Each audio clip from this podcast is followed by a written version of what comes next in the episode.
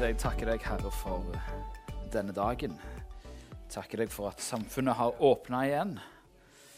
Vi takker deg for at uh, du ser oss der vi er, og du kjenner oss, Herre. Så nå bare ber jeg om at du skal være med oss nå i dag. At du skal åpenbare ditt ord. Uh, og at vi skal få se og møte deg. For det er derfor vi er samla, Herre. Vi er ikke samla for å se på meg. Vi er ikke samla for å uh, stirre i veggen. Vi er samla for å møte deg, Jesus. Uh, og vi bare ber Herre om at du skal være til stede nå i ditt ord, Herre. Amen. Skal vi se, Nå skal vi bare komme fram til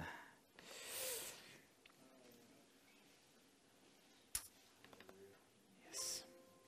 Vi er midtveis i en serie som eh, vi har kalt for 'Gå derfor ut', som har på måte, mange måter sitt eh, utgangspunkt i, i misjonsbefalingen. Eh, og I misjonsbefalingen så står det i Matteus 28, 18-20, og Jesus trådte fram, talte til dem og sa:" Meg er gitt all makt i himmel og på jord. Gå derfor ut og gjør alle folkeslag til disipler, idet dere døper dem til Faderens og Sønnens og Den hellige ånds navn, og lærer dem å holde alt det jeg har befalt dere. Og se, jeg er med dere alle dager inntil verdens ende. Det er lett når vi ser misjonsbefalingen sånn isolert sett, vi ser bare den, så er det lett til å fokusere på det, på det utøvende, om du vil. Sant? Vi skal vise godhet og kjærlighet. Det snakket vi om første gangen. Vi skal tjene hverandre. Det snakket vi om forrige gang. Vi skal forkynne evangeliet. Det skal vi snakke om neste uke. Vi skal gjøre folkeslagene til disipler. Vi skal døpe og lære. Vi skal tjene menneskene rundt oss. Og det er lett å ha det som fokus når vi leser disse versene. Men så må vi ikke glemme det som rammer dette her inn. Jeg sa det første gang. Det blir litt repetisjon, dette. Jeg håper dere klarer det. Meg er gitt all makt i himmel og på jord, sier Jesus. Gå derfor ut, fordi han har all makt i himmel og på jord. Så, og så avslutter misjonsbefalingen med å se jeg er med dere alle dager inntil verdens ende. Det begynner med Jesus, det slutter med Jesus. Det er han som er opphavet til det, og det er han som fullfører det. Og det er viktig når vi ser på, dette, på det vi skal se, se, på i dag. For under temaet altså Det er Jesus som er opphav til dette riket. Det er han som utbrer det. Og Det er derfor undertemaet i dag i Går derfor ut er bønn og mer bønn i evangelisering. Jeg har jo snakket om bønn tidligere, om hvordan vi kan be, og sånne ting, men nå skal jeg snakke om konkret om bønn. Bønnens rolle i å utbre Guds rike på denne jorda. Alt vi gjør i Guds rike, er jo avhengig av Gud. Det er avhengig av Jesus. Hvis ikke Jesus gjør det, så skjer det ikke. Jeg kan ikke frelse et eneste menneske. Jeg kan ikke omvende noen. Det er bare Gud som kaller på hjertene. Det er bare Gud som omvender mennesker. Så kan vi være med i det, vi kan være en del av det, men det er han som gjør det. Dette har jeg også sagt tidligere, det som kommer nå, men, men jeg vil poengtere det igjen, for, så at vi ikke glemmer det når vi snakker om disse tingene. Eh, Johannes 15, 4-5 så sier Jesus.: Bli i meg, så blir jeg i dere. Like som greinen ikke kan bære frukt av seg selv, men bare når den blir i vintreet, slik kan heller ikke dere bære frukt uten at dere blir i meg. Jeg er vintreet, dere er greinene. Den som blir i meg og jeg i ham, han bærer mye frukt. For uten meg kan dere intet gjøre.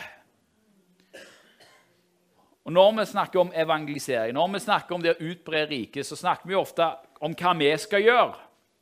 Og det er ikke feil, men vi må ikke glemme at uten han så kan vi ikke gjøre noe. Så nå må vi spørre han, og må vi be til han. Vi pleier å samles her én time til bønn på morgenen for de som har anledning til det på Betel fra tirsdag til fredag.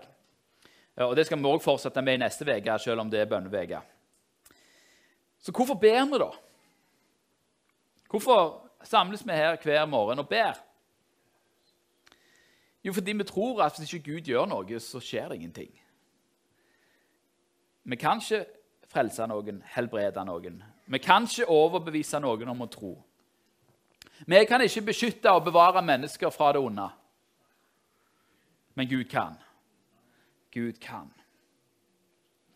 Og fordi Gud kan, så kaster vi oss ned for ham med bønn om at han skal frelse. At han skal helbrede, at han skal overbevise, at han skal beskytte og bevare. For hvis ikke Gud gjør det, så går vi fortapt. Og Så er da spørsmålet da, er Gud avhengig av våre bønner for å handle. Er Gud avhengig av våre bønner for å handle, eller sitter han sånn og liksom Ja, jeg gidder ikke gjøre noe før du ber meg om det. Er det sånn Gud er? Nei, det er ikke sånn Gud er. Gud er faktisk ikke avhengig av dine bønner for å handle. Og Jeg skal vise her noen bibelvers som, som sier noe om dette. I Romerbrevet 8, 26-27 så står det om Den hellige ånd. Så sier Paulus Og her kommer også Ånden oss til hjelp i vår skrøpelighet. For vi vet ikke hva vi skal be om slik vi burde. Men Ånden selv går i forbønn for oss med sukk som ikke rommes i ord. Men han som gransker hjertene, vet hva Ånden trakter etter for det er etter Guds vilje han går i forbønn for de hellige. Så Den hellige ånd går i forbønn for de hellige. Han går i forbønn for oss. Og Den hellige ånds bønner er mye bedre enn dine og mine bønner. Kan vi være enige om det? Ja. Eh, for han ber etter Guds vilje. Når jeg ber, så ber jeg ut fra mitt perspektiv. Og mitt perspektiv kan noen ganger være sinnssykt treffende, og så kan det noen ganger være helt på jordet. Uh, og til de bønner som er helt på jordet, så sier Gud nei. Du får ikke det svaret som du vil ha. Men, men, men Gud vet at vi er sånn. Han, han, vet at vi er skrøpelige. Han vet at vi har en begrensa utsyn. Så Derfor går Den hellige ånd sjøl i forbønn for oss. Og ikke bare Den hellige ånd. I Romerbrevet 8-34 og i Hebreerne 7 24-25 så skal vi lese også at også Kristus går i forbønn for oss. Hvem er den som fordømmer? sier Paulus. Kristus er den som er død, ja, mer enn det, som også er blitt reist opp, som også er ved Guds høyre hånd, som også går i forbønn for oss. Jesus sjøl sitter nå i himmelen ved Faderens høyre hånd og ber for deg. Han ber for deg. Hebreabrevet 7, 24, 25 sier også at men han har, snakker om Jesus, men han har et prestedømme som ikke kan forandres, fordi han blir ved til evig tid. Derfor kan han også fullkomment frelse dem som kommer til Gud ved ham, da han alltid lever for å gå i forbønn for dem. Så, har, så Ånden ber for deg. Kristus ber for deg. Og deres bønner er jo mye bedre enn mine bønner og enn dine bønner. Så Gud er ikke avhengig av vår bønn.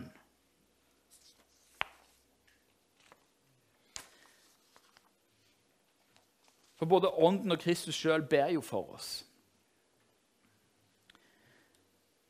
Så når du ikke klarer å be sjøl, så ber Gud for deg.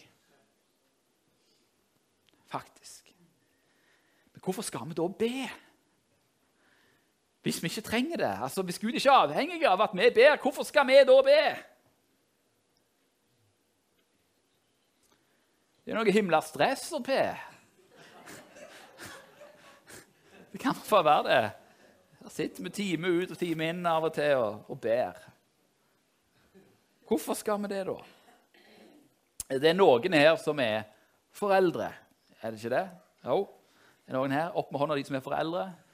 Ja, det er, det er Nå snakker jeg til en god del av dere. Um, det, um, er, har dere noen gang gitt oppgaver til barna deres? Om å rydde, vaske, klippe plenen, et eller annet sånt?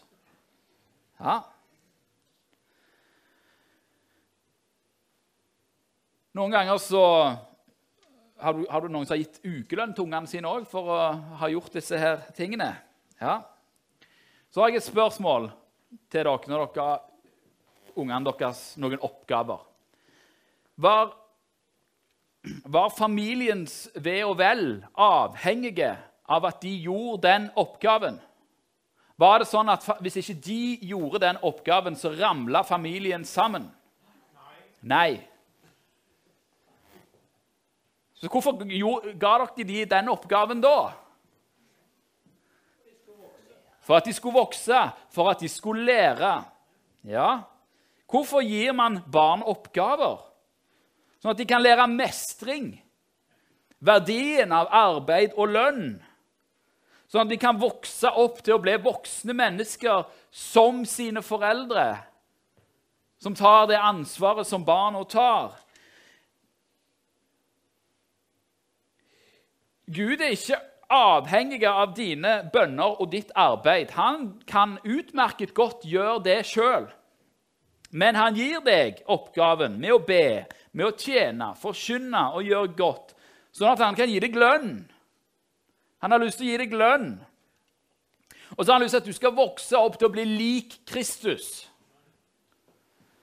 Tilbake til det som vi snakket om i høst. Så snakket vi om at uh, Gud eh, vil at vi skal bli likedanna med hans sønns bilde. Det vil si bli gjort likedanna med Kristus. Gud vil at du skal bli sånn som Jesus. Og Jesus ber.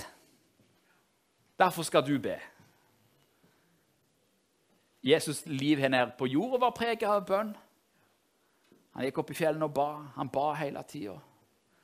Det er mange Jesus sine bønner som fins i Bibelen. Jesus ber. Og vi skal bli sånn som Jesus, så da ber vi òg. Og hvorfor det? Hvorfor vil Gud gjøre det sånn? Nei, fordi han har tenkt å gjøre sånn. Han har tenkt å vise hvem Jesus er gjennom deg. Gjennom meg. Så han har tenkt å vise hvem Jesus er. Det ser ut til at Gud har tenkt å frelse verden gjennom de som tror på ham. Og det er ikke fordi han trenger å gjøre det, men fordi det er hans vilje at vi skal få lov til å ta del i hans frelsesverk. Vi skal få lov til å ta del i alt det han har gjort, og det han gjør. Derfor har han også gitt oss dette ansvaret. Og som menneske så, så syns jeg Gud tar en råsjanse, da. OK, du skal Du overgir budskapet om å formidle den perfekte kjærlighet og den perfekte offer og det perfekte verket til mennesker som er alt annet enn dette. Men i det, i det at Gud bruker meg og deg og alle andre som tror Og vi er jo uperfekte som det holder. Så får han ære. Kan Gud bruke meg, kan Gud bruke deg, så viser det hvor stor Gud er. Så han gir oss ansvar. Men det ytterste Og vi står jo ansvarlige for det han har bedt oss om å gjøre. Men det ytterste ansvaret er hans. Guds rike står, altså, hviler ikke på deg, det hviler på han. Og Det er viktig å ha med seg i dette. Det er han som bærer det. Og Derfor skal vi òg alltid spørre han om hjelp når vi syns at det er for vanskelig. Det er litt av poenget. Vi kan alltid spørre han om hjelp. Det er derfor det står, eh, står at 'Se, jeg er med dere alle dager inntil verdens ende'. Han er med oss fordi han vet at vi trenger han. Så finnes det òg en annen årsak til at uh, Gud vil at vi skal be, vil at vi skal tjene, vil at vi skal ta del i dette. Og, og jeg må innrømme at når jeg så inn i dette, her, så hadde vi noen sånne danserunder rundt på kontoret. Fordi det er så Ja. En annen årsak til at Gud vil at vi skal be, vil at vi skal gjøre disse tingene, det er fordi han vil at vi skal vinne. Han vil at vi skal vinne.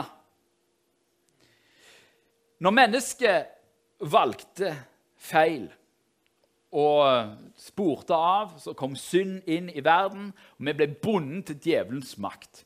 Men Kristus han har seira over djevelen. Seira over synd. Og Gud vil at den seieren skal vi òg få lov til å ta del i.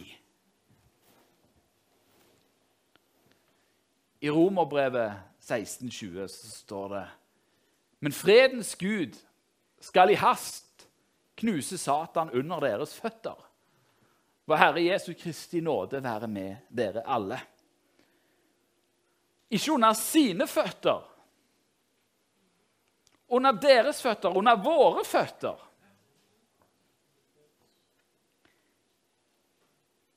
Jesus han har knust slangens hode. Han har overvunnet djevelen. Og vi er jo kalt til å gjøre som Jesus gjorde. Så når han har overvunnet djevelen, så følger vi etter, og så fortsetter vi å trå djevelen ned.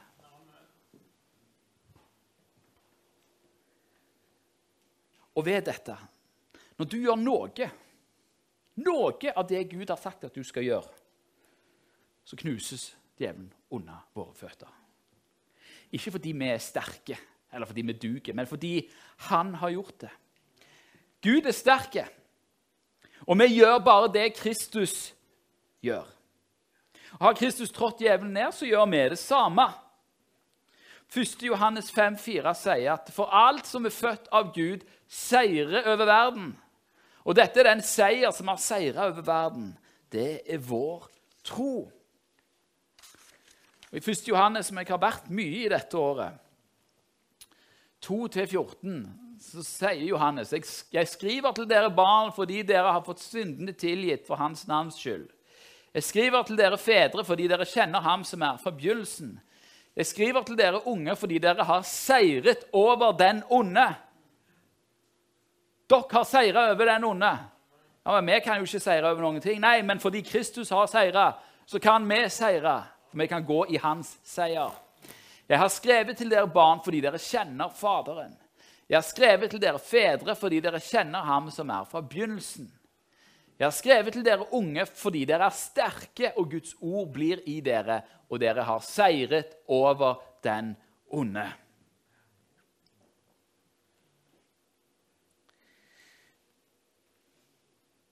Hvorfor tok jeg dette med i min tale om bønn i evangelisering?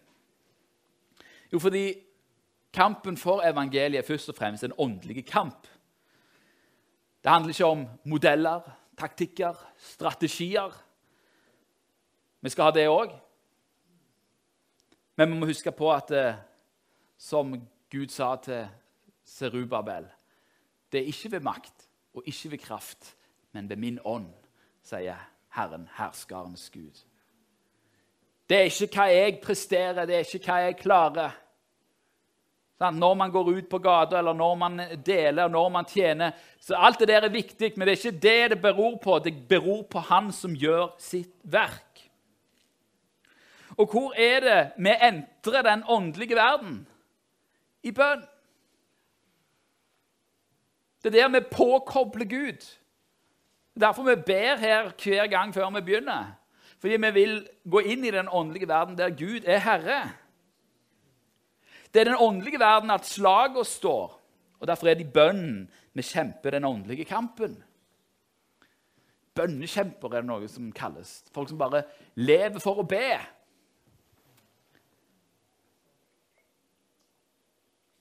Men hvorfor kan ikke Gud bare gjøre det for oss, da? Han kunne bare gjøre det for oss. Så at han ber, Hvorfor kan han ikke bare gjøre det for oss? Hvorfor må vi streve i bønn til Gud? Jo, fordi Gud vil ikke bare at du skal bli frelst. Han vil at du skal vinne. Og uten en kamp så blir det ingen seier. Hvorfor tror du mennesker finner opp ting de kan konkurrere i? Nå er det jo OL i disse dager. Har dere sett hvor mange ting som mennesker finner opp som de kan konkurrere i? Altså Når Therese Johaug nå har fått OL-gullet sitt, endelig, etter at hun ble utestengt fra forrige OL. Hun har holdt på i åtte år for å vinne det OL-gullet. Hvorfor har hun gjort det? Jo, for det er så godt smaker det å vinne. Så godt at mennesker er villige til å ofre åtte år av sin tid på å trene og trene og trene. Så at de kan kjenne på den opplevelsen det er å vinne. Fordi det å vinne er godt. Det er faktisk det. Det er godt å vinne. Ja, Alt som er godt, kommer fra Gud. Vi spør en idrettsutøver om veien der er god. Spør Therese Johaug etter 3 10 000 timer. Føles det godt, Therese? Etter å ha beskrevet alle lidelsene og arbeidet og trengslene som han må gå gjennom, så sier Paulus noe i Romerbrevet 8,37. Men i alt dette så vinner vi, mer enn seier med ham som elsker oss. I åpenbaringen, når Jesus kommer med forskjellige budskap til de syv forskjellige menighetene Vet du hvordan Jesus avslutter hver av sine oppfordringer? Han avslutter hvert budskap til hver av menighetene. Gå inn og si. Så, kan, så, så, at, så avslutter han det med å si 'Den som seirer'. Den som seirer, vil jeg gi dette. Den som seirer, vil jeg gi dette. Den som seirer, vil jeg gi dette. Hvorfor er Jesus så veldig opptatt av at du skal seire? Jo, fordi han vil gi deg alt godt. Og seier er en del av, en del av det. Men det er ingen seier uten en kamp. Ellers hadde det ikke vært noe å seire over. Kristus har vunnet seier. Du kan òg vinne seier. Men da må du være på lag med han.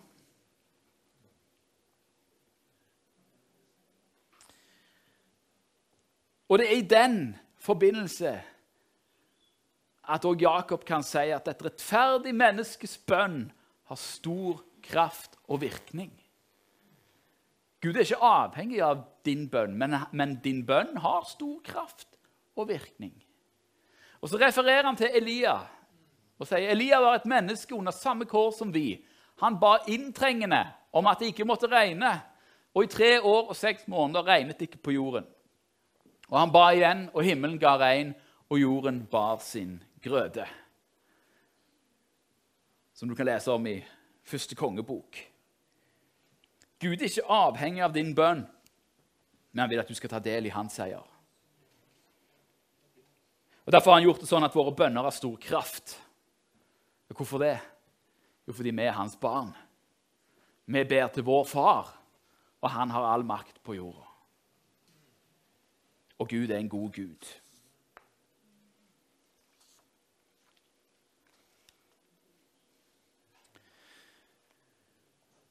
Men bønn i evangeliseringen, da, Thomas, hva, hva, har det å si?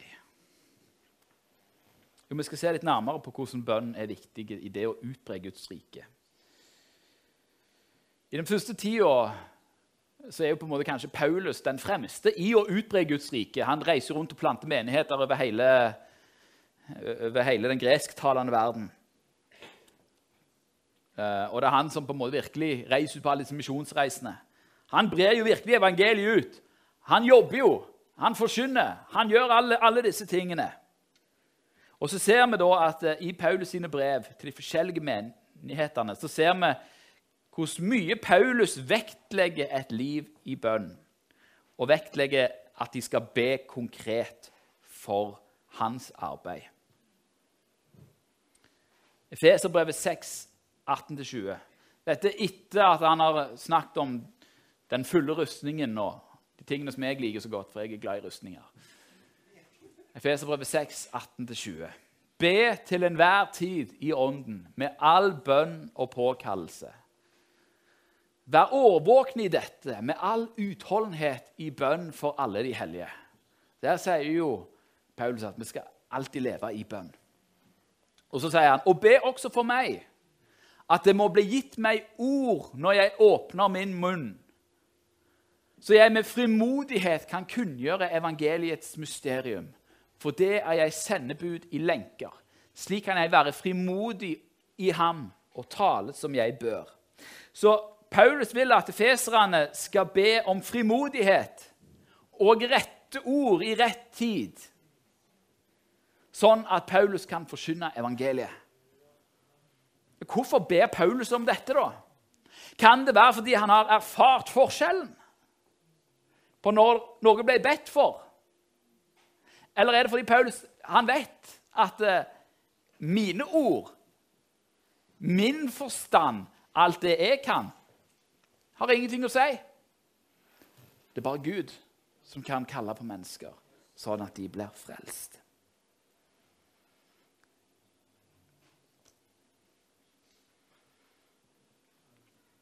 Til kolosserne sier han i Kolosserbrevet 4, vers 3-4.: Be også for oss at Gud må åpne en dør for ordet, så vi kan forkynne Kristi mysterium. For det er for dets skyld jeg er i lenker.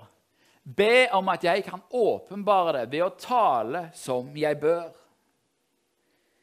Han vil at kolosserne skal be om at Gud må åpne ei dør for ordet. For han vet at hvis det er ingen som ber Gud om å gjøre ting, så skjer ingenting. Da kommer han til ei stengte dør. Da Da kommer han til ei stengte dør. Men Gud kan åpne ei dør. Gud kan åpne alle dører. Men han, vil, men han har gitt oss ansvar om å be om det. Be om at jeg kan åpenbare det ved å tale som jeg bør. Her ber, her ber han om visdom. Han ber om forstand til å snakke sånn som han bør snakke. Fordi Paulus vet at eh, 'jeg er ikke så god å snakke'. 'Jeg er ikke så smart'. Noen av oss tror kanskje at vi er så smarte. Men da pleier vi å ta feil.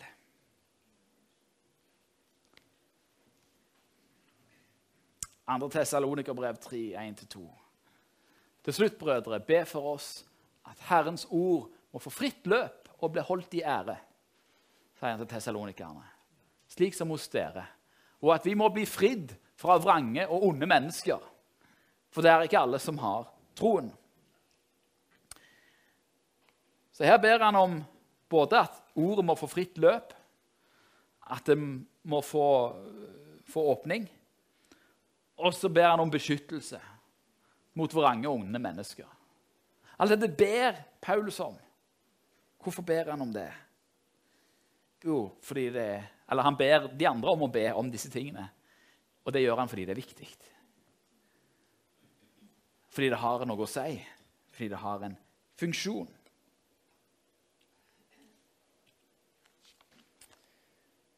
Ser dere hvor viktig bønn er i det å utbre Guds rike? Ser dere at ingenting skjer hvis vi ikke ber? Ingen bønn, ingen utbredelse. Hvorfor er det sånn? Jo, det er fordi det er Gud som gjør alt i dette riket. Vi kan ikke gjøre noe uten Gud, og vår åndelige link til Gud skjer i bønn. Og Det betyr jo to ting. I vår evangelisering, i, dem, i vår tjeneste, i alt det vi gjør, så må vi aldri glemme å be. Så må vi huske på at det ikke hviler på oss. Det er òg det bønn hjelper oss til. For alt hviler jo egentlig på Han.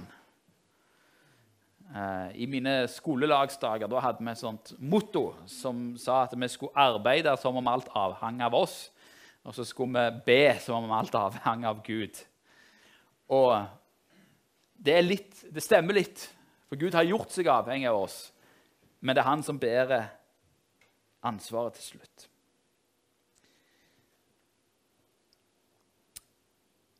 Og Det som er viktig med dette her med, med bønn, det er at eh, alle kan være en del av evangelisering.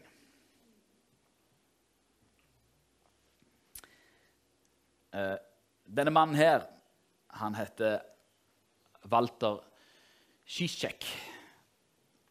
Han var en eh, jesuittmunk som uh, reiste som misjonær inn i Sovjetunionen i 1939. når andre verdenskrig brøt ut. Eh, I 1941 så ble han arrestert for å Ja, han reiste jo der for å evangelisere. Forkynne, gjøre Guds ord tilgjengelig. Så ble han arrestert i 1941. Og så sitter han i isolasjon i mer eller mindre fem år. Ser ingen. Hva skjedde med misjonsoppdraget? Hva skjedde med evangeliseringen?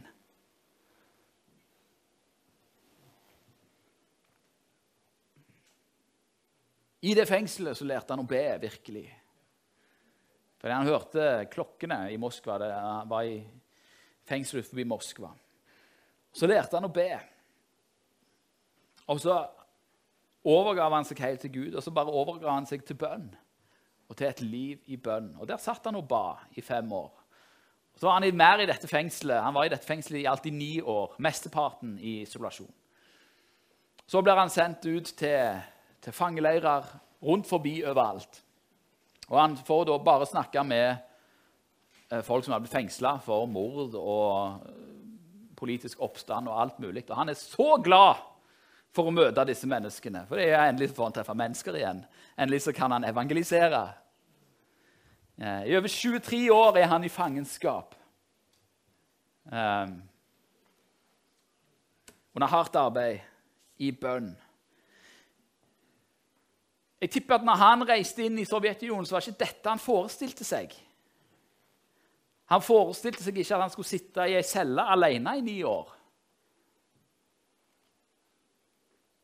Men allikevel så fikk livet hans enorm betydning for mange mennesker. Og så fikk det enorm betydning for han. Fordi han lærte seg å be. Du vet, Hvis du ikke kan gå ut på gata fordi du har et helseproblem, så kan du be. Det, det går alltid an å be. Det er ikke avhengig av tid, sted og rom.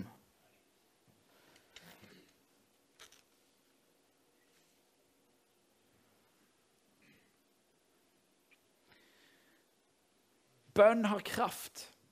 Uten bønn så skjer ingenting. Så jeg får spørre dere et lite spørsmål. Og Jeg vil dere skal lufte hendene deres.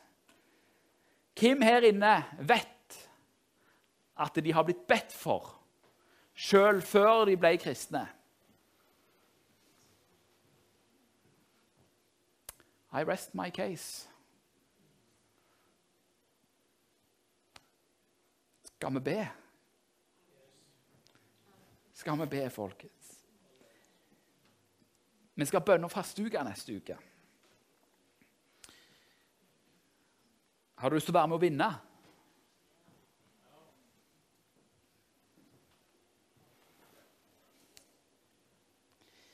Det å lufte sin røst i bønn, det å ta del i Guds seier på jorda. Hver gang du ber, så seirer du. Hver gang du ber, så seirer du. Hver gang du ber, så tar du del i hans seier.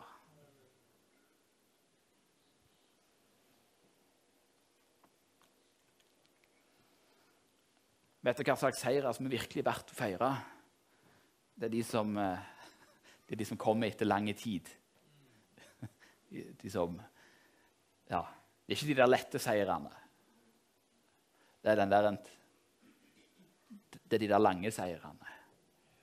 Og mange av dere har bedt for mennesker, bedt for ungene deres, bedt for folk i mange mange år. Jeg har noen venner som jeg har bedt for 20 år snart.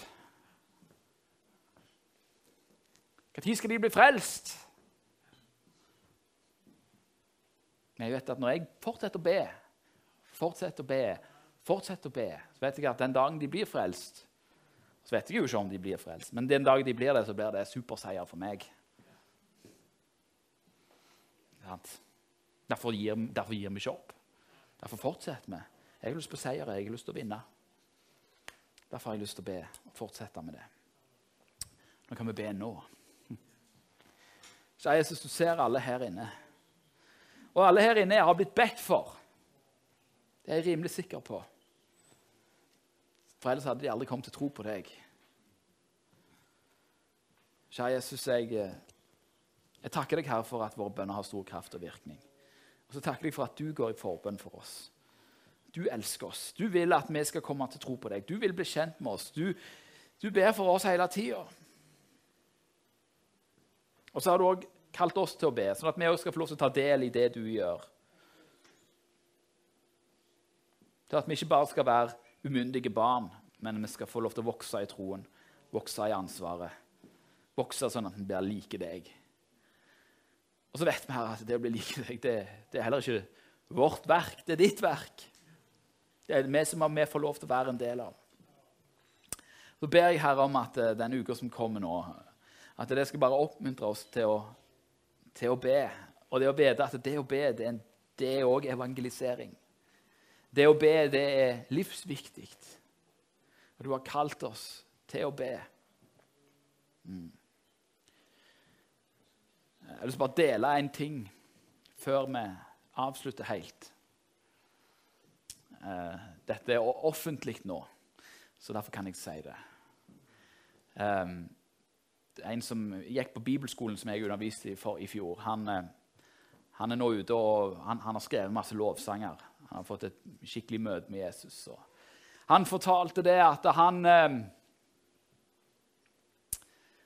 han, eh, han, fortalte det at han, eh, før han ble frelst, så, så, hadde han to mennesker som hadde dødd ganske sånn hyppig på hverandre. Og Han hadde ikke lyst til å leve lenger, så han planla selvmord. Han planla å henge seg. Han forberedte å henge seg. Han prøvde å henge seg. Og akkurat idet han prøvde å henge seg, så er det noen kristne venner som får det for seg at de skal be. Og så ber de for han, og så ryker tauet. Er det kraft og virkning i bønn? Skal vi være et folk som ber? Og nå står han og synger om hva Gud har gjort i livet hans og skriver sanger om hva Gud har gjort i livet hans.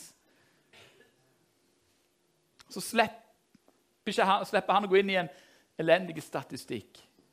Og så kan han få lov til å leve fritt og forkynne om Han som frelser.